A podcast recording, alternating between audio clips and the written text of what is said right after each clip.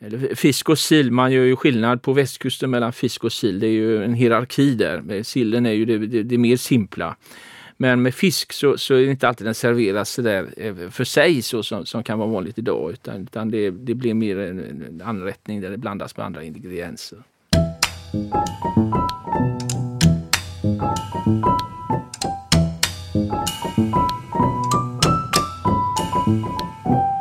Det här är Matarvspodden. I denna serie möter jag, Lisa Häger, olika forskare och författare och pratar om mat som kulturarv.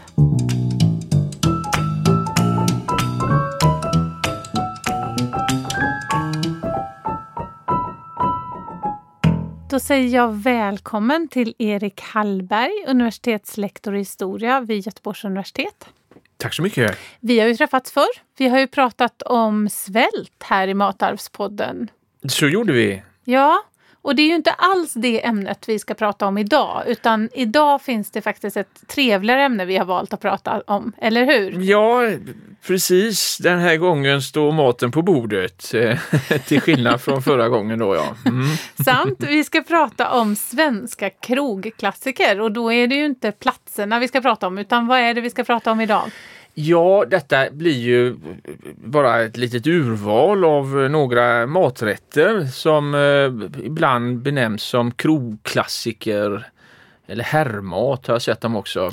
Så, så ska vi titta närmare på dem. Oh, vad spännande! Då skulle man vilja veta vad dammat var också. Men det, det kanske är det är ett annat avsnitt. Ja, vi flickar in det lite grann mot slutet, oh. tror jag. Oh, vad bra! Nej, det här ser jag fram emot. Men eh, om vi börjar från början, vad är en krog för någonting, Erik? Ja, vad är en krog? Det är ett gammalt ord. Det har funnits med oss eh, genom århundradena och det används helt enkelt om eh, taverna, krog eller om de här värdshusen som fanns längs de allmänna vägarna. Och det där var ju någonting som styrdes upp av staten Eh, för att få ett fungerande transportsystem i landet. Att folk, eh, det gick väldigt långsamt att färdas. Man hade häst och man behövde byta häst och man behövde ta sig till nästa värdshus och sådär. Så att det behövde organiseras upp och det där gör man i olika eh, förordningar eh, under 1600-tal framförallt och in på 1700-talet bestäms avståndet mellan de här krogarna ja. Och, och, det ska finnas foder till hästarna och bönderna omkring de får en skyldighet att hålla det här skjutsväsendet med, med hästar och så vidare. Och det är krogar. Ehm, sen så, förlåt? Är det, samma, är det samma som gästgiveri eller gästgiveri? Ja, är det, samma? det, det är samma. Det är ja. samma precis. Ehm, och det är intressant för att i Svenska Akademiens ordbok kan vi hitta att inför den nya förordningen av 1732 som väl finns, fick ett ganska stort genomslag så heter det att de ska undvika ordet krog och krögare och istället använda det här ordet gästgiveri eh, och gästgivare Eh, därför att det här ordet har fått lite dålig klang, eh, tydligen krog. Och det är ah, som, ja, och det, det tycker lite... man känner igen från dagens Ja, det, det är det. det. Det tycks ständigt ha plågats av att ha lite dåligt rykte det här kan, ordet. Kan det bero på vad som pågår på krogarna? Med all största sannolikhet eh, eh så, så, har det det. Och eh, går vi fram sen så, så får vi ju ett industrisamhälle med, med eh, då andra sätt att, att färdas. Man kan färdas snabbare. Det finns järnvägshotell, stadshotell som ofta låg i närheten av eh, eh järnvägsstationen. Eh, och det fyllde ju samma syfte någonstans för de resande att sova över och, och, och få en matbit. Man hade för övrigt även parker vid, vid järnvägsstationerna för att man skulle få lite rekreation åt de resande. Ja. Gå ut och lukta på blommorna. Så. Och trädgårdar ja, med, ja, med transport av, av blommor. Och jätteintressant ja. Ja, mm. jo, man tänkte på allting. Men sen med industrisamhället så får vi ju lite sociala ambitioner eh, med befolkningen. Att de ska, ja, det ska bli bättre och bättre. Och en så, på ett sätt det skulle bli bättre var ju att folk skulle sluta dricka så eh, väldigt mycket och då kommer ju de här krogarna eh, och ja, restauranger är ett ord som kommer in mot slutet av 1800-talet, används ju synonymt här lite grann. att försöka styra upp den här verksamheten precis som man har styrt upp, eh, kommer att styra upp eh, försäljning. Alltså, så vi fick ju systembolag mm. av brännvin. Så, så styrde man även upp restaurangnäringen och krognäringen. Ehm, och då delar man in det i olika klasser där den första, eh, de som hade fullständiga rättigheter, det var ju de som fick servera sprit. Ehm, och och de, de, de förnämsta där kallades ju finkrogar eller guldkrogar. Guld var ju första klassen. Eh, och de var privatägda. Och, och, just detta att man, som du är inne på här, att man behöver använda fin, det förledet där tyder ju på att krog har fått en väldigt dålig klang eh, vid den här tiden. Så att det här var någonting man kunde gå på om man, om man eh, ville ha trevligt i, i ordets eh, hela betydelse. Ehm, men, och sen fanns det ju andra klassens restauranger och tredje klassens restauranger eller krogar då, som eh, faktiskt staten kom att äga. Ehm, så. Ehm, och utanför dem så har vi ölcaféer, ölschapp eller ölsylter och sånt där som inte då får servera Aha, så de, sprit. De Ja. finaste krogarna var oftast privatägda Ja, och sen ja. tog staten hand om, om på något sätt infrastrukturen för de eh, andra? Var ja, det så? Ah. precis. Eh, Så, för det var helt enkelt staten ska kontrollera. Vi får den här paradoxen att, att staten samtidigt som man då vill, vill begränsa eller i alla fall eh, ha kontroll över eh, spritförsäljning och spritförtäring så, så profiterar man ju också på den. Mm. Eh, genom då i det här fallet att man äger restauranger. Eh, skillnaden mellan andra och tredje klass vad jag förstått eh, är att de ska ha duk på borden, andra klassens restauranger. Så det finns någon sån här eh, så. Ordning och reda. Ja, ordning och reda. Mm. Eh, Men allt detta kan kallas krog. Krog finns med hela tiden och finns ju fortfarande idag. Eh, Så, men, men det det är en väldigt bred benämning då på, på men det är inte bara att det är mat då, utan det är också givetvis att det ska finnas en, en utskänkning av, av eh, ja, brännvin eller eh, av alkohol. Att man går på krogen innebär ju detta att man också dricker. Eh, Så, och en del av de här krogarna det var ju mattvång förvisso under den här perioden för att kunna få beställa lite starkare varor. Men som bekant så, så kunde ju den skickas in och ut och en, en anrättning, en pyttipanna eller en smörgås. Och sådär. Eh, så man var tvungen att verkligen tala om för betjäningen att jag avser att äta. eh, så, jaha, kanske det kommer en förvånande sak. Det, det finns många roliga historier kring det där. Ja, ja. Eva Hasselgren har skrivit om det. Men, men, eh, men så att krog, krog finns med oss från, från, från, genom seklerna. Eh, och eh, det är då både finare krogar men också då hak eller sylter och sånt där.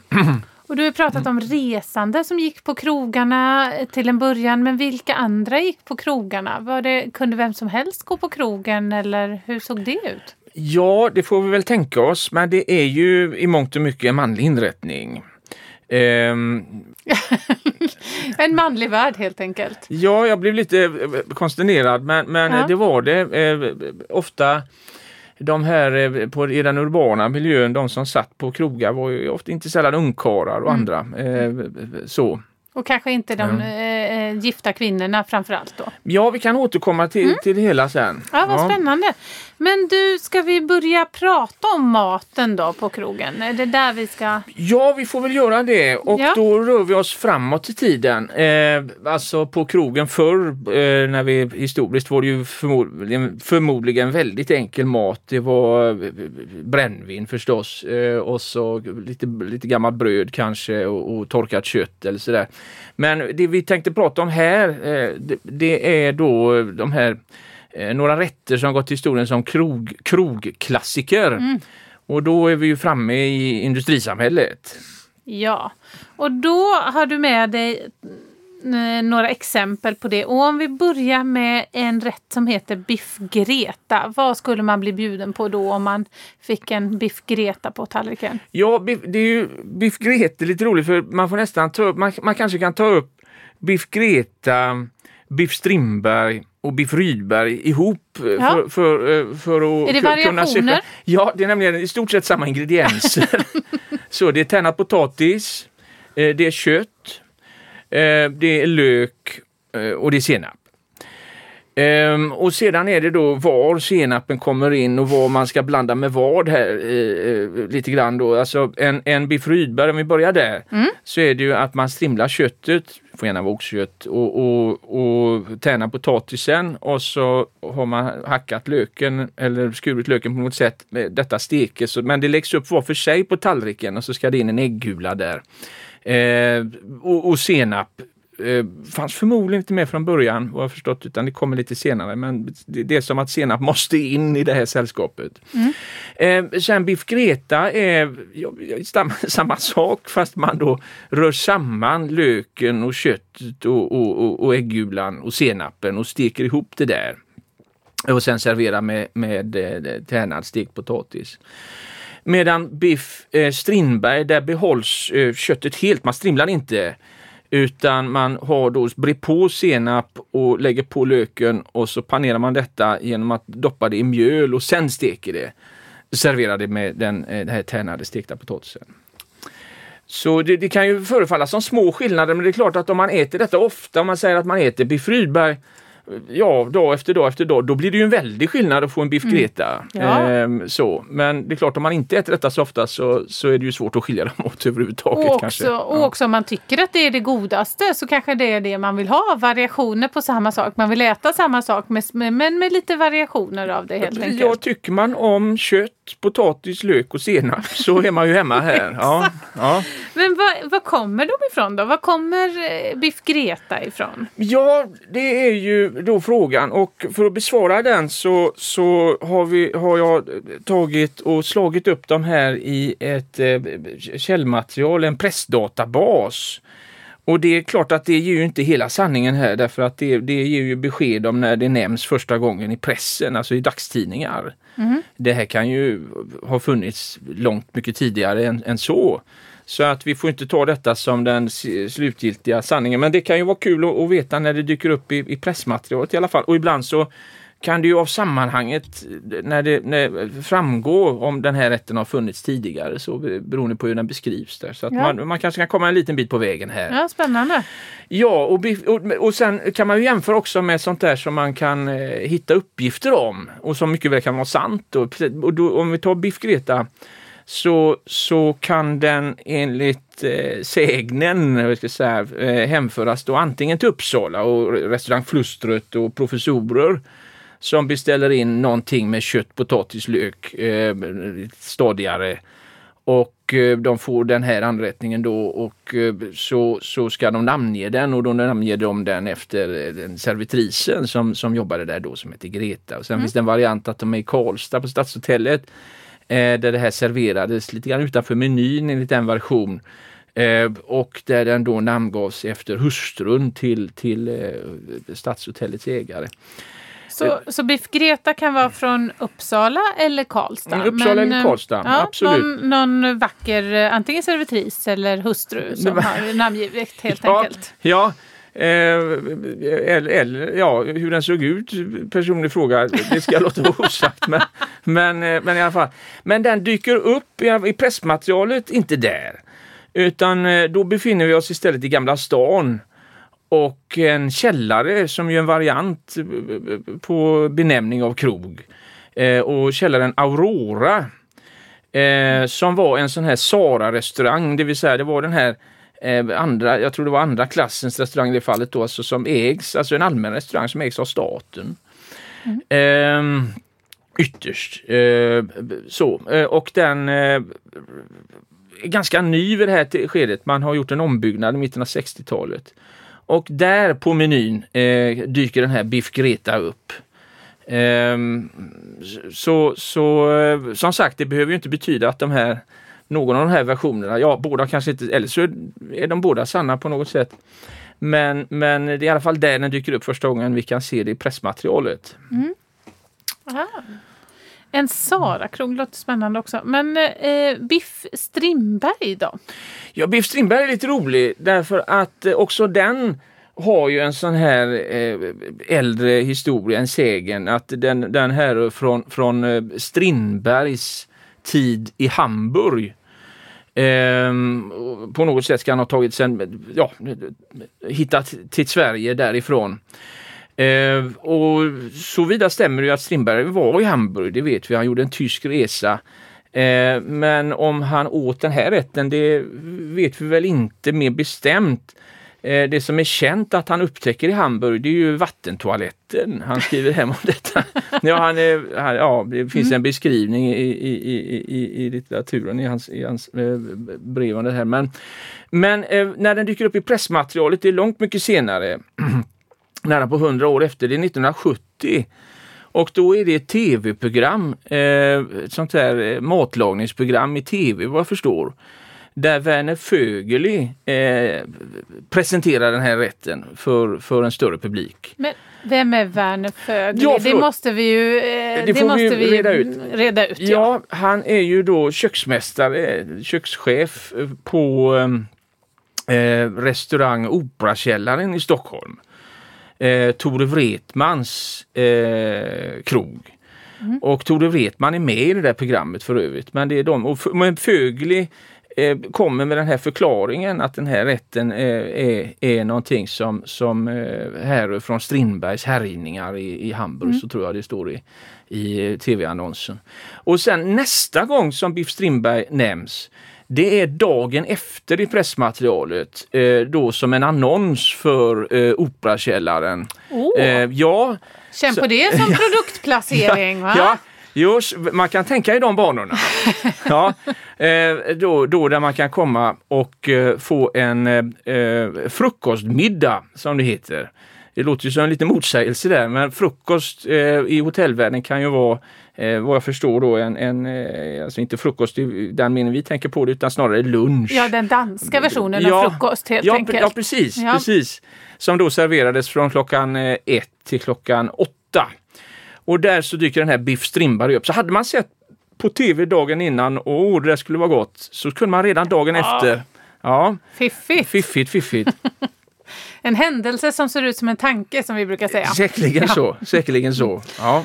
ja, och då lämnar vi Operakällan kanske och ger oss vidare till Biff Rydberg. En rätt som jag förstår består av potatis, kött, senap och lök. Ja, det, precis, de gör ofta det. eh, ja, den dyker upp i pressmaterialet först eh, 1919 men då i ett sammanhang eh, som eh, man förstår att det här är något, det är på ett logemente och de här längtar efter att få äta en biff Rydberg. Eh, de här personerna, det är en liten text. Eh, så så den, den, den är äldre och eh, därmed så, så, så, så är det ju väldigt mycket, mycket möjligt att eh, den också kommer från Hotell Rydberg. Det är nämligen så det beskrivs som var ett jag ska säga, lyxhotell i Stockholm från sekelskiftet och som hade en eh, Abraham Rydberg en väldigt rik person. Folk blev rika även då. Mm. Och då fanns det en donationskultur bland många personer som hade mycket pengar. Och han donerade pengar till utbildningsverksamhet för, för sjömän tror jag. Bland annat ska ha funnits ett skolfartyg här, här i Göteborg där vi sitter som hade namn efter honom. Men också det här lyxhotellet ska han ha donerat pengar till och där ska den här rätten ha, ha skapats då så att, så att säga, indirekt så ger han namnet till, till, till den. Då. Mm. Också ett tips för folk som har mycket pengar över att det går att skänka pengar till lyxhotell. Ja, det är precis. lite ovanligt. Denna filantropiska behjärtansvärda gren av donationskulturen. Ja, ja, absolut. Ja men spännande. Eh, om vi nu lämnar eh, upplägget av potatis, kött, eh, senap och lök och går vidare till Biff Lindström. Kanske vi inte går så himla långt då eller? Nej, eh, eller så är det det vi gör faktiskt. Eh, eh den, eh, eh den, den dyker upp i materialet på, på Gyllene Freden första gången, den här restaurangen i, i Stockholm som ju ägs av Svenska Akademin numera. Ja men eh, Gyllene Freden har väl lite äldre anor? Ja, den var väl vid det laget 200 år gammal tror jag. Ja, Jo men så är det. Operakällan och Gyllene Freden är ju verkligen eh, alltså, traditionsrika eh, inrättningar i det vi förväntar oss av huvudstaden. Så, men, men har jag fel ja. om jag säger att Gyllene Freden också förekommer i Bellmans? Ja, det fanns på hans tid. Ja. Ehm, eh, absolut, Anders Zorn var senare inblandad. Det är många kulturpersonligheter som har, har passerat revy, eh, revy och, där. Har du varit där och ätit? Eh, jag har varit där men jag tror inte jag åt när jag var där. men, ja, Men, det, Men man kan gå dit och äta, för det tycker jag Jo. är lite eh, spännande att veta att det går faktiskt dit, att gå dit Ja. och äta ifall ni vill, Ja.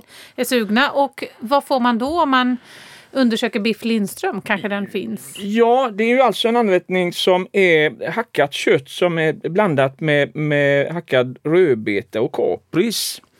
Eh, och det serveras då så på den här frukostmenyn för Gyllene Freden eh, ett år där 1923. Men med all säkerhet så är den inte därifrån. Utan eh, enligt historien så ska den då istället ha uppstått i, i Kalmar i slutet av 1800-talet på ett hotell där. Eh, och vad man tror är det inte heller en svensk rätt utan det här är förmodligen har sina rötter i, i eh, östra Europa, eh, kanske Ryssland. Eh, om man ser till ingredienserna med rödbetor och kapris så, så är det, Mm. talar det för det. Och då ska det funnits en rysk konsul på Gotland, en Lindström då, som ska ha introducerat den här rätten. Eller så fick, fick den namn efter honom då. Eh, men, men i pressmaterialet dyker den upp lite senare.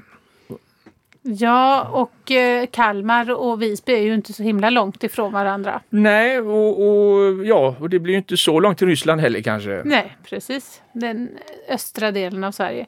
Om vi nu tar oss vidare till kalvfilé Oskar då. Det är ju, eh, där har vi kanske lite mer västkustkoppling. Ja, det hade man väl eh, kanske trott eftersom det ingår hummer i den här. Men ingår också kalvfilé, det är sparris, eh, det är en choronsås som är en med tomat, spetsad bearnaisesås. Eh, och här finns också tryffelskivor, det där ska blandas. Eh, men det har nog inte sett mycket med Göteborg att, göra. Eh, enligt eh, historien så ska den ha skapats som en hyllning till eh, konung eh, Oscar i samband med utställningen 1897, Stockholmsutställningen eh, i Stockholm och eh, så enligt historien. Men det är inte där som den nämns i pressmaterialet först utan den nämns på en annons för eh, NK, Nordiska Ja. kompaniet i Stockholm 1928. Eh, då man kan beställa hem den här. Alltså man kan, kan, man kan beställa hem hela söndagsmiddagen. Jag vet inte hur man fick det, men fyra trappor upp så hade de en beställningsavdelning dit man alltså ska kunna för fem kronor eh, beställa då en trerätters middag. Där det är lite rökt lax. Foodora helt enkelt Ja, från NK. Ja, ja, jo, jo här är det fint. eh, och så som huvudrätt då den här kalvfilé Oscar eller kalvfilé Oscar som jag har hört uttalas också. Ja. Och jag Mm. tycker väl ändå att vi kan ta lite ära med tanke på att Oscar den andre tillbringade sina somrar här på Marstrand. Ja, du tänker så ja. Kan Ja, väl- ja precis. Ja, där, det är där hummen kommer in kanske. Ja. det. Ja. Ehm, den låter väldigt speciell kan jag säga och hittills är det ju rätt mycket otypiska rätter mot vårat kök idag. ja, det är det. Eh, Det är ju eh, Ja, klart, kött, potatis och lök är väl kanske något- Senap också. Senap, något återkommande. Men det finns ju några här som, som, som avviker och kalvfilé och skar är väl en sån här, Ja. just där man blandar samman det med sås och annat eh, på ett sätt som vi kanske inte gör alltid idag. Nej. Nej, sant. Eh, sen är den nästa eh, klassiska krogrätten som du har tittat på är ju planksteken. Plankan, ja, det är ju eh, enligt myten då får vi återgå till eh, eh Tore Wretman, detta kan mycket väl stämma, eh, att han då eh, anrättade det här. Det är alltså kött då som läggs på en eh, planka och hickory eller, eller annat material. Eh, och sedan har man då någon form av pomme duchesse, alltså potatismos i en krans runt. Eh, och med, med eh, sås. Eh, och så ska detta in, in i ugnen då. Eh, så tar man ut den och serverar den på den här plankan. Eh, och det är möjligt att det kommer från Wretman och Stallmästargården. Det finns också en annan version att det kommer från en annan restaurang i Stockholm, en annan krog, eh, Prinsen. Eh, men första annons är eh, från en restaurang på Östermalm på Nybrogatan 32 som heter Österport. Mm-hmm. Och eh, då är vi framme på, på 60-talet när den ju eh, eh, sägs också ha lanserats. Man kan också hitta allra första belägget i, i tidningspressen. Det är faktiskt eh, eh en annons för eh, eh där, där man, eh, en köttförsäljare som, som vill sälja kött och tipsar om det här Eh, varför inte göra en plankstek Ja. och så presentera det här eh, receptet. Ja, Ja. Det här innovativa. Ja. Vet du Erik, jag har lärt mig att en sak som jag har trott på är en faktoid, alltså Mm. något som inte stämmer, som jag trodde var sant. Ja, Och det är om Tore Wretman och hans restaurang eh, Rish. Att Pan Rischen, att det var han som introducerade den i Sverige. Men jag fick lära mig förra veckan att det stämmer inte. jaha. Utan att det fanns ordet Pan Rish innan restaurang Rish fanns. Se där. Ja, det är spännande att man går omkring och tror saker. Ja. Det är skönt att du är här och kan reda ut lite det jag historien om plankstek i alla fall. Ja. Liksom. Nej, Du vi- behöver inte redogöra för panrischen, men, men eh, för, för det tror jag att jag har lite på mig på fötterna när jag säger det. Men jag tycker att det, det, man kan, det är spännande att man kan gå omkring och tro en sak Ja. så stenhårt och för, sen få lära sig mer. Ja, så är det. Blev, Mm. Restaurangen kanske blir uppkallad efter, efter bröd, brödet då istället. Ja, vem vet. Så skulle ja. det kunna vara. Ja. Ska vi fortsätta med de goda, goda kötträtterna? Här finns någonting som heter elefantöra. ja, elefantöra är ju en eh, fin klok, krokklassiker. Eh, som ju skiljer sig lite grann åt eh, från de övriga. Det, det är alltså en komposition där man tar en bit av innerlår eh, och eh, som man behandlar lite hårdhänt. Man ba bankar ut det. Eh, Så att det blir, ja det sträcker Stort. ut sig i pannan så det blir stort, ja därav namnet. Eh, Man steker detta. Eh, och sedan serveras det med en äggula och med riven eh, pepparrot. Och mycket pepparrot ska det vara. Och detta läggs eh, ovanpå, köttet läggs ovanpå en rödvinssås eh, sås, kan man säga. Och så serveras det. Ja, det låter ju spännande. Ja. Något för fredagsmyset. Ja. ja. Och eh, lappko- lappskojs. Ja, jag tänkte, Säger ska, det rätt? ska vi nämna var, var elefantörat Ja, dök upp såklart. första gången? Ja, såklart. Ja, jag, jag tänkte när man ändå gått igenom var, lite jag, jag, pressmaterial. var, jag var så fascinerad bara av rätten i sig så att jag glömde bort... Eh, Ja, vad det- ja, ja, ja. Nej, den här dyker nämligen upp eh, på en restaurang i Kungälv. Eh! Ja, som heter Tre, Tre Kungar. Eh, den finns inte kvar längre. Det finns en grill, en kiosk som heter Tre Kungar idag tror jag. Och det, det är väldigt vanlig benämning på olika inrättningar och annat i Kungälv. För det, det, ja, under medeltiden ska det ha ägt rum ett trekungamöte där. Det är det som man alluderar på. Eh, men det här var en finare dansrestaurang när det begav sig och eh, 1960 på sommaren så annonseras det då den här elefantöra med eh, marchand de vin som ju är eh, ja, ett annat ord för rödvinssås, ett lite finare ord. Eh, så så, så där, där dyker den upp första gången, i, som sagt i pressmaterialet. Den kan ju mycket väl ha funnits någon annanstans tidigare. Mm. Men den låter ju lite exotisk och spännande också. Ja, och det var det nog. Och det är klart att här börjar vi komma in på någonting att det här är ju rätter som kanske en del kände sig nästan lite besvärad att beställa in så. Eh, Hade det ett stått rödvinssås så kanske det varit, men nu är det marchand du vin och det är klart, då, då, då är det kanske en särskild publik man vänder sig till. Mm. Eller i alla fall särskilda tillfällen kanske. Mm. Som, även, som kan dansa men även beställa in eh, eh, vinsås. Ja, det var dans. Det var dans. Eh, så var det. Ja. Jag hör vad du säger här. Mm, ja. Eh, och nu kommer vi till lappskojs. Ja, lappskojs ja. Ja, det låter ju väldigt roligt. Ja, det låter jag- som ett roligt namn. Ja, jag förstår varför, du Och ville. kanske inte riktigt eh, något dit. vi skulle kunna säga idag heller. Lappskojs, nej det är möjligt. Det är möjligt. Eh, sen behöver det nämligen inte ha någonting med, med lappar att göra, det det du tänker på. Ja. Eh, ja. Nej, jag tror man, man skulle nog kunna, kunna klara även en sån granskning, etisk Ja. granskning här. Därför att den här rätten finns även i andra länder. Eh, I Hamburg finns det något som heter Lapskaus. Och det låter ju väldigt likt Ja. Lapskojs får vi säga. Och den finns även i Danmark. Den finns i Norge under det här Lapskaus-uttalet. Den finns också i England, eh, i, i Liverpool. Eh, Lobskaus. Eh, eh, så, och det är till och med så att folk från Liverpool kunde kallas, de kallas lite olika smeknamn. Eh, Myckis har de hetat Ja, något skede eh, för, för med kontakterna till, var ju en stor hamn till, till, till USA och till Irland. Eh, men också scouses. Eh, typ, eh, att vara scouse det är att vara från Liverpool och det är från den här rätten, eh, mm. lappskojs. Eh, en skillnad mellan de här varianterna det är ju att den svenska lappskojs då är potatisen, eh, det är ju potatismos. Medan i lapskaus och lopskaus det är då stekt potatis, alltså en stekanrättning. Eh, men den här dyker inte upp på krogen eh, första gången alls. Eh, det, det, får man leta efter utan eh, det dyker upp eh, mycket tidigare och på, på andra ställen i, i pressmaterialet. Det ska sägas att pressmaterialet börjar 1766 och framåt. Ja. Så det finns, det finns ju tidningar även då och även tidigare. Så, så det här är en 1800-talet kan man eh, stöta på det här.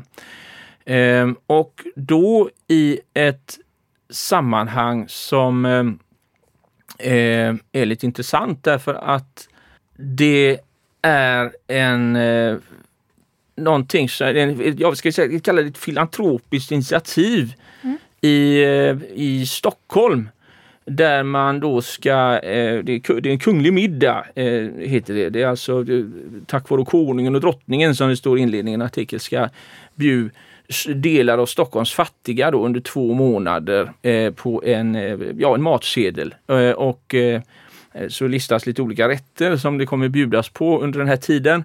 Och däribland så kallad lapskojs och detta är 1879. Eh, så, och det ska vara första gången som, som eh jag har hittat det här i materialet. Så att det, det är en äldre eh, rätt och förmodligen då eh, nordeuropeisk rätt och, och eh, inte någon förnäm rätt som, som finns på krog eller uppfunnits på krog utan det är del av en, ja, en husmanskost kan vi säga. Men du säger att det är potatismos, men vad är det mer än potatismos då? Ja, det är grönsaker och så är det kött ja. Eh, som, som steks ihop då. Men i den svenska varianten så är det potatismos då som kommer in i det här och, och, ja. och då, då, blandar man köttet i det här potatismoset så att det blir en... Ja, ja en god gegga. en lapskojs helt enkelt. ja, en, ja. Eh, mm, spännande! Något eh, att testa också. Det finns så mycket bra inspiration i det här avsnittet för eh, vardagsmiddagar framöver. Ja, en ja. speciell kategori mat i alla fall. Ja. Verkligen. Och också mättande. Om vi nu pratar om det för att föda de fattiga. Så är det mycket, de flesta av de här rätterna vi har pratat om hittills är ju väldigt mättande. Eh, och det är ju en, ja, det är ju en särskild kategori för sig också. Ska vi gå över till fisken? Ja, det kan vi göra. Hur är det? Har du sett att det skiljer sig lite hur man åt fisk i landet? I materialet? Ja, i, i bredare mening så, så dyker ju fiskrätter oftare upp i sammanhang med husmanskost och, och det kan vara stekt, eh, stekt sill och annat. Eh, eh, och det är väl lite mindre vanlig krogmat på det viset. Och när den görs på krogen så görs det ofta i form av olika typer av fiskgratänger. Mm. Ehm, att man rör samman eh, den här fisken. Fisk och sill, man gör ju skillnad på västkusten mellan fisk och sill. Det är ju en hierarki där. Eh, sillen är ju det, det, det mer simpla. Men med fisk så, så är det inte alltid den serveras så där eh, för sig så som, som kan vara vanligt idag utan, utan det, det blir mer en, en anrättning där det blandas med andra ingredienser. Och då börjar vi med faktiskt, eh, jag tror jag har lagat alla de här som eh, fiskkrogklassikerna. Ja. Men om vi börjar med Sjötunga Walewska. Walewska, ja Gvav precis. Sjötunga Walewska. Walewska. Walewska, mm, Walewska. Det, det ja. är då inte en svensk rätt utan en rätt som, som eh, eh har kommit till landet eh, utifrån. Det ska vara en fransk rätt från 1850-talet som ska vara uppkallad då efter Maria Walewska eh, som i sin tur ska ha varit Napoleons älskarinna. Hon kanske är med i den här, det har kommit en ny film om Napoleon, vi får se. Ja, Men förmodligen äter de inte den här rätten utan det är ju efter, efter 1850-talet då har han, då har han eh, eh, gått till de sälla jaktmarkerna. Eh, Napoleon. Så det, är, det är ju så här, det kan vara uppkallat efter en person som, som eh, en maträtt kan vara uppkallad efter en person som, som egentligen inte har så mycket med maträtten att göra. Eh, och så är väl fallet här. Eh, det är, dyker upp i det svenska pressmaterialet första gången i Göteborg. Oh. Ja, eh, och det är en fiskrätt så det, det är kanske inte någon större eh, chock att, att hitta den där.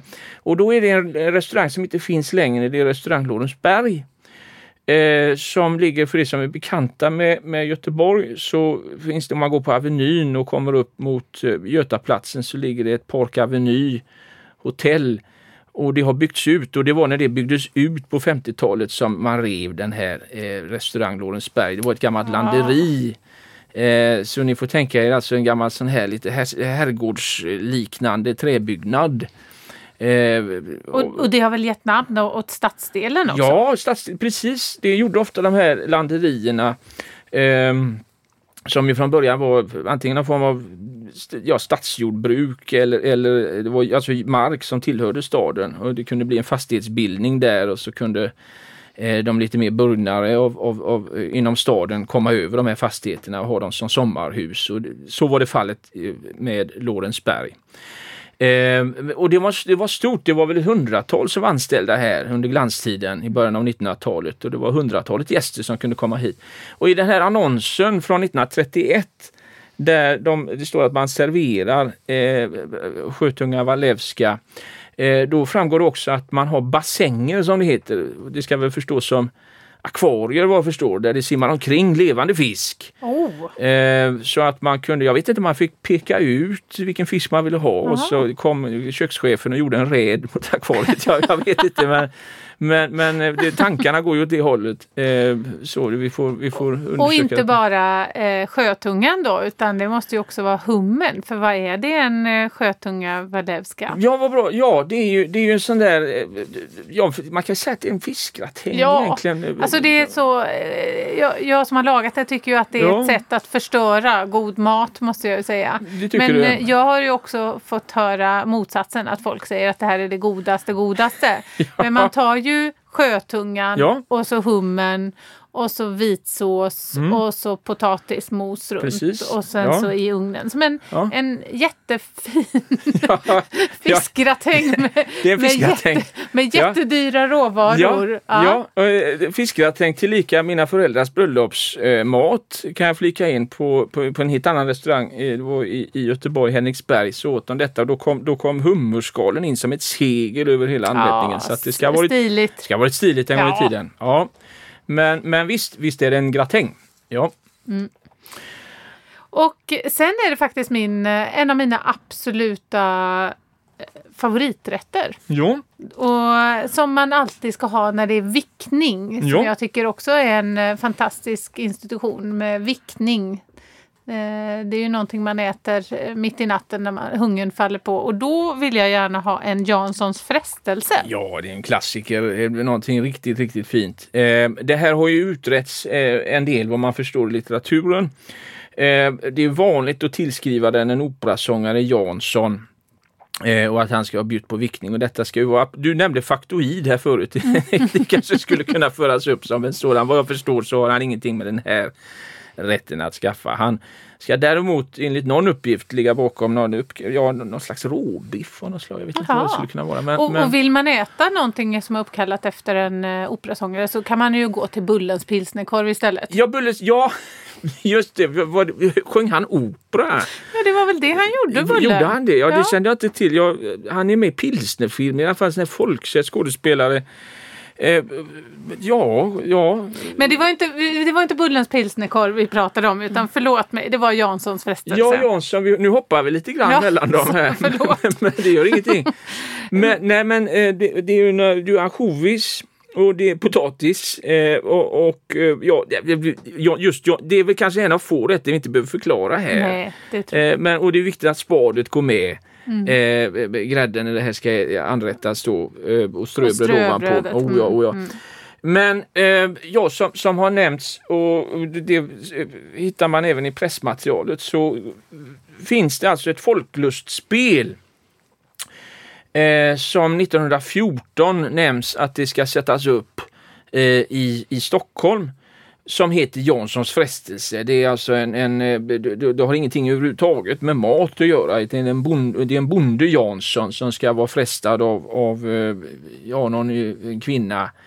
Eh, om hon är av grevlig ett eller, eller baronessa, jag vet inte, dotter till... Ja, det är, det är någon sån där liten story i alla fall. Klassisk story. Ja, jo, jo, och förmodligen lika simpel som jag beskrev den nu. Men, men i alla fall, den här blir så småningom film och ganska snart efter att den har filmatiserats så dyker den upp eh, i, eh, i tidningsmaterialet. Men då är det inte på krogen utan det är som recept. Eh, bland annat januari 1935 så annonseras eh, Blekinge potatis ut och då vill de ju tipsa vad man kan göra med den här potatisen och då föreslår de att man ska göra Janssons frestelse. Så kommer hela receptet. Mm. Och då kan man ju tänka sig att detta är ganska nytt. För som vi sa här, vi, vi har ju inte fått förklarat för oss vad, vad, vad en Jansson är. Vi kan ingredienserna så, men det behövde man fortfarande 35. Ja. Och sen så 35 dyker den upp som färdigrätt på Konsum.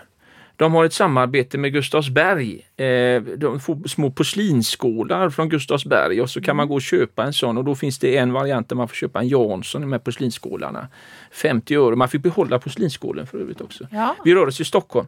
Jag tror, förlåt, när den beskrivs som recept första gången så är, så är vi tidigare i början på 30-talet. Men, mm. men eh, ja, man får hoppa mellan åren här lite grann. Men det har alltså på 30-talet att göra och den har inte letats in på krogen vid, vid det laget. Eh, så, så det kanske också är en rätt som faller utanför lite grann av de här krog, de genuina krogklassikerna. Eh, det är alltså de rätterna som har uppstått eh, ja. på, på krogen. Så att säga. Mm, mm. Mm.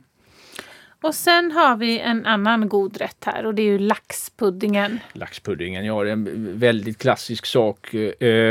Det är ju då lax eh, som man varvar med, med skivad potatis eh, och äggstanning mm. eh, och, och, har i ugn och serverar med, med skirat smör. Eh, och det, det, är också faktiskt en rätt då som faller utanför de här krogklassikerna. Det ja. var ju så, jag, fick, man får, jag satte upp några stycken så, men då var det vissa som visade sig inte vara någon krogklassiker och detta är ju också en sån. I pressmaterialet så dyker laxpuddingen upp eh, första gången Eh, på 1800-talet. Eh, och då också faktiskt i ett sånt här eh, eh ja, filantropiskt sammanhang där eh, det finns en kommitté i eh, eh, huvudstaden som heter Föreningen för beredande av sund föda för obemedlade inom huvudstaden.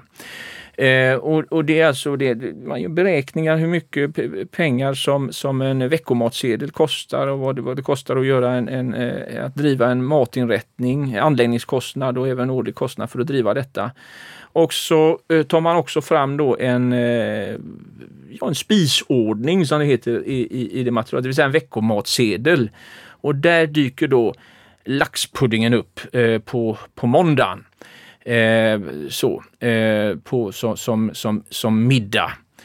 Eh, så att detta är ju också då lite enklare, eh, har ett enklare ursprung. Det, det mm. kommer inte på, på, från, från krogarna. Där kan man för övrigt se eh, den veckomatsedeln, den, den är ju då eh, sån typ av mat som, som kanske riktar in sig mot en, mot en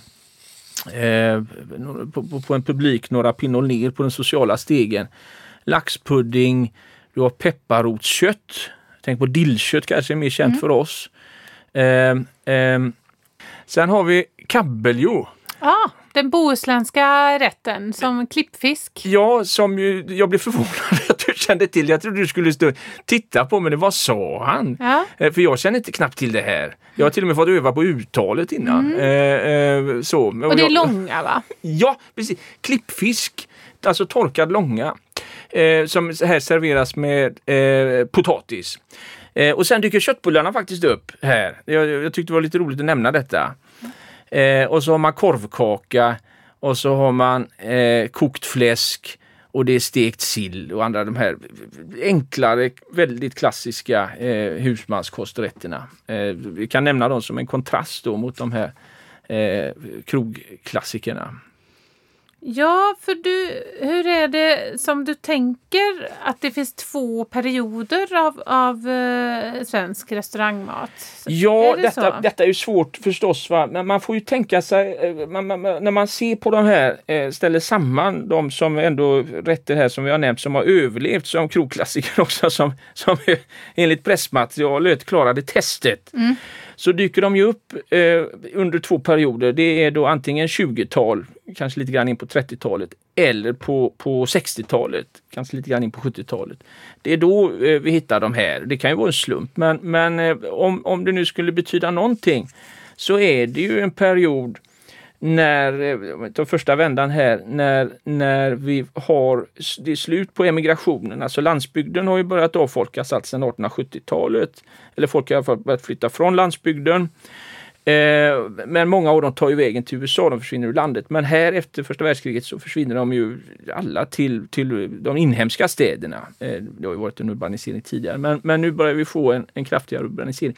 Och vi får också eh, ett helt nytt familjemönster. Det är ju under 10-talet som, som eh, eh, den, vad, det, vad som demografer kallar den äktenskapliga fruktsamheten går ner, det vill säga hur ofta de gifta kvinnorna föder barn, det vill säga hur många barn man skaffar inom äktenskapet.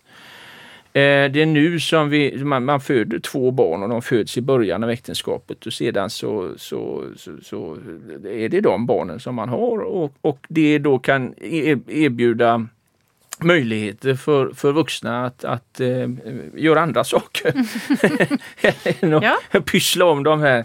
Eh, tidigare så födde, födde ju kvinnor barn upp i 40-årsåldern så det är klart att det då, då finns det ju inte utrymme riktigt för, för att eh, gå på krogen. Nej, Det dit jag vill Ut komma. och Så- roa sig. Ja. så det, är möjligt att, det är möjligt att vi kan lite ansträngt där kanske ändå spåra in här på att det här det är då och så dyker det upp Vi får alltså ett lite större underlag och lite andra umgängesvanor vid den här tiden. Och, och då skulle ju kanske 60-talet, 70-talet, det är liksom en generation senare där vi har en eh, återigen en väldigt kraftig urbaniseringsvågen. Eh, och det offentliga, eh, Sveriges tillväxt med, med jobb, inte minst för kvinnor, kvinnors större utmarsch på, på arbetsmarknaden. Så, där. Så, så det är möjligt att vi, vi, vi, kan, vi kan spåra liksom urbaniseringsvågor här. Kanske inspirerad av, av eh, andra länder också med tanke på att man rör sig lite mer då. Jag Ja, vet så inte, nu spekulerar jag hej. Ja, ja, eh, eh, nu, Förlåt. ja det är. Men, ja, du är så välkommen. Men, men om vi ser de rätter som man äter så, så är det ju inte riktigt eh, någon internationell Nej. input här. Va? Eh, det är klart, på 70-talet kom ju exempelvis fondue. Eh, och det är väl någonting som man ätit utomlands och gärna vill äta hemma. Så att det, det, behöver- det, men jag tror att de, de, de eh, eh, om man nu inte då räknar Biff Strindberg som, men det är väl högst tvivelaktigt. Det är nog, men det är nog lite senare som, som, som vi har den ryska konsulns också. Ja, jo, är, jo, väl, jo, nej, jo och, och, och även Sjötunga Walewska. så vi Ja, ska absolut, väldigt internationella. Jo, ja, jo då, jo då, jo då. Eller namnet i alla fall. Ja, ja, ja, precis. Men hur är det då om vi lägger ett eh, lite klassperspektiv på våran krogmat? Ja, man skulle väl kunna försöka sig på en liten eh, klassanalys med hjälp av eh, litteraturen och inte minst hur man tillreder maten verkar ha sin bas i, i olika klasser påstås det. Och en första sak är då att eh, överklassen, en mat som förknippas med överklassen, det är rå mat. Eh, och detta kanske ska förstås då att det är bara de allra bästa delarna på, på köttet eller så som, som man kan konsumera och resten skulle man då, alltså det, det, det är överflöd, det är lyx eh, över detta. Medan hos medelklassen där är det mer stekt mat eller grillad mat för det är ju, det, det är ju större delen som man kan använda men det är ändå de lite finare bitarna.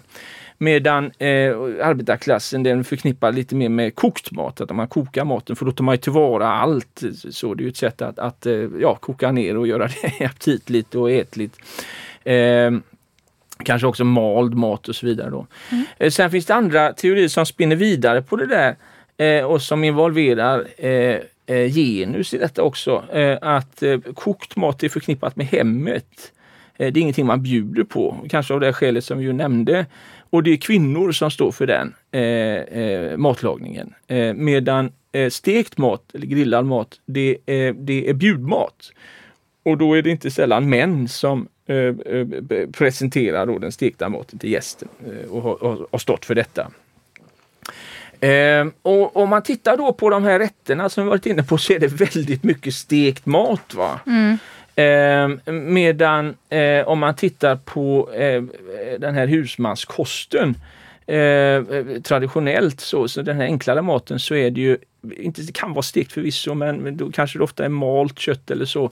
Eh, så, och, så, och så kokt mat, soppor och annat eh, hör ju hemma här i den mycket enklare eh, med, med folkmaten, så att säga, husmanskosten. Så det kanske också är ett sätt här att en del av de här rätterna är ju på något sätt en en, en lite pimpad husmanskost. Om man så vill. Jag tänker på biff med lök. Ja. Eh, som är en mal biff då med, potatis, mm. lök och senap. Eller så. Men här gör man någonting lite extra av det. Va? Man tar lite finare kött, man strimlar, man lägger upp det på ett sätt, man har en äggula till. Eh, biff Strindberg eh, och en annan variant, biff Greta en ytterligare variant. Va? Så det, det är på något sätt den här stekta maten som då har höjt sig lite grann, eller, lite pinnol upp och som nog kan fungera som en sån här bjudmat eh, på, eh, på det viset. Ja, det kanske låter lite ansträngt men, men, men det går väl kanske att se ett sånt här mönster. Ja, eh, just det. grill ja. och män är väl ingen som direkt ifrågasätter den kopplingen i dagens samhälle. Nej, det är väl, de har väl mutat in det ja, området. Det är väl dags för att den kvinnliga frigörelsen ska ta sig an grillen den, inom kort. Den sista manliga bastionen. bastion. Killen vid grillen. Ja, nej, nej men det, det, är så, men det är ingenting svenskt över det utan det ska, det ska vara no, någonting som, som är inte kulturellt. Så att säga. Ja, absolut. Mm. Och hur, eh, vi har har ju pratat lite om eh, restaurangklassiska rätter som eh, namnges efter dåtidens kändisar. Ja.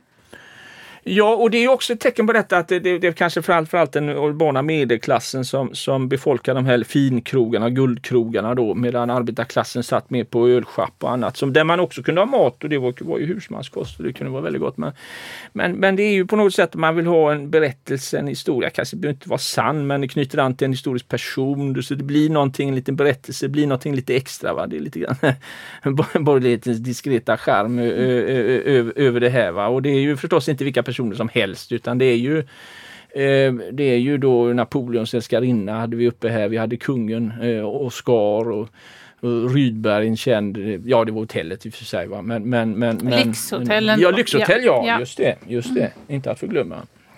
Så, så, så det ska det, ge glans åt de här ja, rätt ja, lyxig glans. Lite, lite glans, liksom. tradition, mm. det står för nytänkande, kvalitet. Det, det, ska ge någonting lite mer, ett mervärde. Mm. Eh, så är det. Alltså en berättelse också kring det. Så, och så på, kanske på franska som vi nämnde den här elefantöra med marchand de vin. Så det är lite, lite finare. Lite svåra, ja, lite svåra ord. Ja. Ja. För att ge lite internationell glans. Det där skulle föreställa franska om någon läsare undrar. Marchand de vin, ja jag har ingen aning. Men, ja. Ja.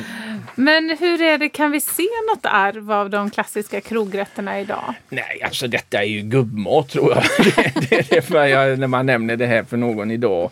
Eh, så, eh, så, så är det ju. Ja, herrmat hette det ju ibland och det var ju vilka som eh, ja, eh, kunde sitta på de här stadshotellen och sådär, ungkarlar och andra. Men, men eh, Eh, förmodligen inte bara som vi var inne på här. Det här är, är ju ett skede när allt eh, kvinnor kommer ut på arbetsmarknaden och man går ut och äter ihop och så. Eh, så, så, så, men, men vid den här tiden så lever fortfarande den här lite bastanta maten kvar. Det får man ju säga. Det här är före den, den, den vegetar... Finns det, finns det någon sån våg? Jag tänker gröna vågen med vegetarianer och andra. Det är väl lite senare här, 70-80-tal eller så mm. framåt. Ja. Så, så lite, lite det stabbiga. Eh, som väl har försvunnit mer och mer och kanske bara lever kvar på, eller inte bara, men på julbordet har vi den här maten. Ja, det finns det. Och det finns ju vissa klassiska krogar som försöker att hålla kvar vid det här. Men... Ja, gudskelov. Ja. Eh, skapas det nya klassiker nu eller är det kopplat till ett äh, kulturarv det här? Nej, det skapas hela tiden mycket mat, eh, kulturer med nya rätter förstås. Utan det här, det här är lite nostalgi tror jag över de här mm. rätterna. Eh, så tradition. Så att, men det, de, de ersätts av andra men det, det, kan, det kan andra prata bättre om tror jag vad det är nu som gäller. Ja, ja det vore spännande att se vad, vad som kommer hålla i sig. Mm. Ska vi avrunda med några goda rätter som faktiskt har gjort en, en klassresa? Ja, vi var ju inne på det att en del av de här rätterna är ju, de går ju på något sätt tillbaka på en del lite enklare husmanskost så att man har ja, piffat dem. Eh, och, och, det är ju spännande att titta på det, rätter som, som har gjort eh, resor upp och ner. Va? Mm. Eh, och, och, och, det har ju andra gjort före oss, vi sitter här och en rätt som, som brukar nämnas i det sammanhanget är ju den här eh, ehm, eh, man säger korvstroganoff nu ja. och, och, och, kanske inte ens tänker på att det har funnits någonting tidigare. Eh, men den var ju en biffstroganoff en gång i tiden. Eh, som ska ha varit namngiven efter en rysk adelssläkt. Ja, återigen lite ja. eh, bra. Jo, givetvis. Mm, givetvis. Ja, ja. Men, men den har ju gått ut för. Eh, och även planksteken då. Men alltså, vi måste börja med att säga eh, eh biff stroganoff ja. har ju ett innehåll i sin rätt. Ja. Korv stroganoff är ju falukorv, grädde, ketchup. Typ. Ja, ja. ja och, och även väldigt vanligt på middagsborden. Och eh, dagis. Da, ja, ja, I skolbespisningen ja. ja. Jo, den har räddat många Men biff stroganoff är väl inte... Ja, finns det kvar i landet? är väl frågan. eh, det vore ju spännande att se. Det är klart att någonstans serveras det förstås. Men, men, men eh, det är ju mer sällsynt då. Mm. Ja, du menar att folk känner mer till korv stroganoff nu än biff stroganoff? Ja, jo, jo, jo, så är det. Så är ja, men en resa neråt. Ja. ja. Och vad har vi mer då? Ja, ja, vi nämnde ju planksteken. Den mm. är ju då från början då, jag menar det här är ju någonting som vi, vi, vi har ju lämnat öppet. Det här kan ju vara Tore Wretman, det kan vara restaurang Prinsen. Det är ju fina, det är ju finkrogar verkligen. Mm. Eh, eh, så, och det var nog något speciellt att få det här serverat en gång i tiden. Men men idag är det ju ingenting särskilt fint utan det är, jag kan ta en planka du, det kan ju vara lite så, utan det har, ju, det har ju gått ut för med den rätten också. Ja, här är jag ja. väldigt sugen på att ge exempel på krogar som serverar och det tänker jag faktiskt inte göra nej, för det känns nej, inte det, snällt. Nej, nej. nej, nej. Yes. Vi, vi, vet alla var de... vi vet alla var de ligger. ja, precis. Ja. ja. Och vad har vi mer då? Ja, men sen är det, vi kan väl avsluta lite med, med uppåtres, uppåtresenärer. Mm. Eh, eh, så, och eh, någonting som, apropå det här jag nämnde med, med, med kok, kokt mat och att det skulle vara liksom lite, några pinnor ner på den sociala stegen och, och till hemmet och något man kanske inte skyltade med att man ens det, det, har ju faktiskt blivit en trend vad jag förstår. Eh, eh då med långkok. Ja, eh, pulled pork ja, kan man kalla precis, det så att det låter precis. lite spännande ja, fast jo. det funnits i Sverige jo. i hundratals ja, år. Men det får ofta ta omvägen ja. eh, kring Chili omlandet. också ja. lägger man en liten stark ja, ja, grej i så blir det helt plötsligt manligt. Jo, precis. Härligt. Så, ja, jo, jo, jo. Och så en, frans, en, frans, en fransk sås till det då kanske, vad vet jag. Härligt. Marchand de vin, var det så Marchand de vin. Marchand de vin ja. Långkok marchand de vin. Ja, ja marchand de vin. Uh, jo, uh, ja, en annan sak som har kommit tillbaka som ju uh, ja, det kommer tillbaka, ska jag säga, som har blivit lite finare. Det är väl alltså korv mm. var ju någonting som man kunde se eh, på enklare eh, eh, inrättningar. Då. Stångkorv som ju var någon form av där man blandar ut korven med lite gry, alltså nära på en, en, ett isterband vad jag förstår.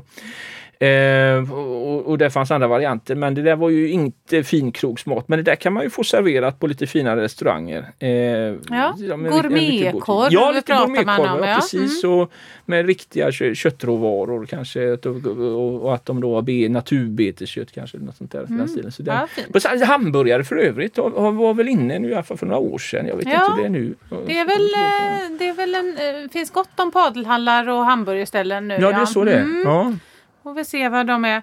Och vad tror, vad tror du om den stekta sillen då? Vad tror du om den ja, framtiden vi, för den? Vi nämnde ju det att det, det var väl det mest påvra som man kanske kunde få en gång i tiden, eh, eh, sill. Men, men det kan man ju faktiskt också hitta på lite finare krogar eh, där de gör det med lite finess, steker den och så lite lingon, eh, rårörda lingon och, och ett gott eh, potatismos till. Så, och, och, gärna med lite ättiksgurka kanske eller något sånt där. Så det är också någonting som har presenterats för en på, på, på ett helt annat vis och, och har lämnat sitt lite mer fattiga ursprung. Ja. Kommit upp sig i smöret helt ja, enkelt. Sillen. Ja, ja, just det. Ja, ja. ja, men då tror jag att eh, vi har våra exempel och då tackar jag dig så himla mycket. Har vi glömt någonting Erik? Eller? Ja, det har vi ju alldeles säkert Ja. gjort. Men, men eh, vi, får, vi får helt enkelt strunta i det tror jag. Ja.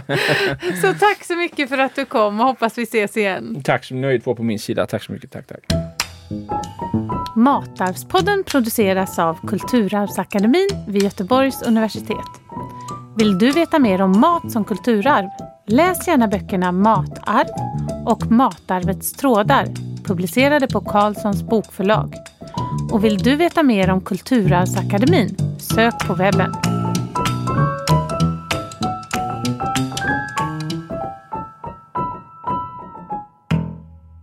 Matarvspodden finansieras av bidrag ur stiftelsen Gustav Adolf Bratts föreläsningsfond och Centrum för kritiska kulturarvsstudier vid Göteborgs universitet.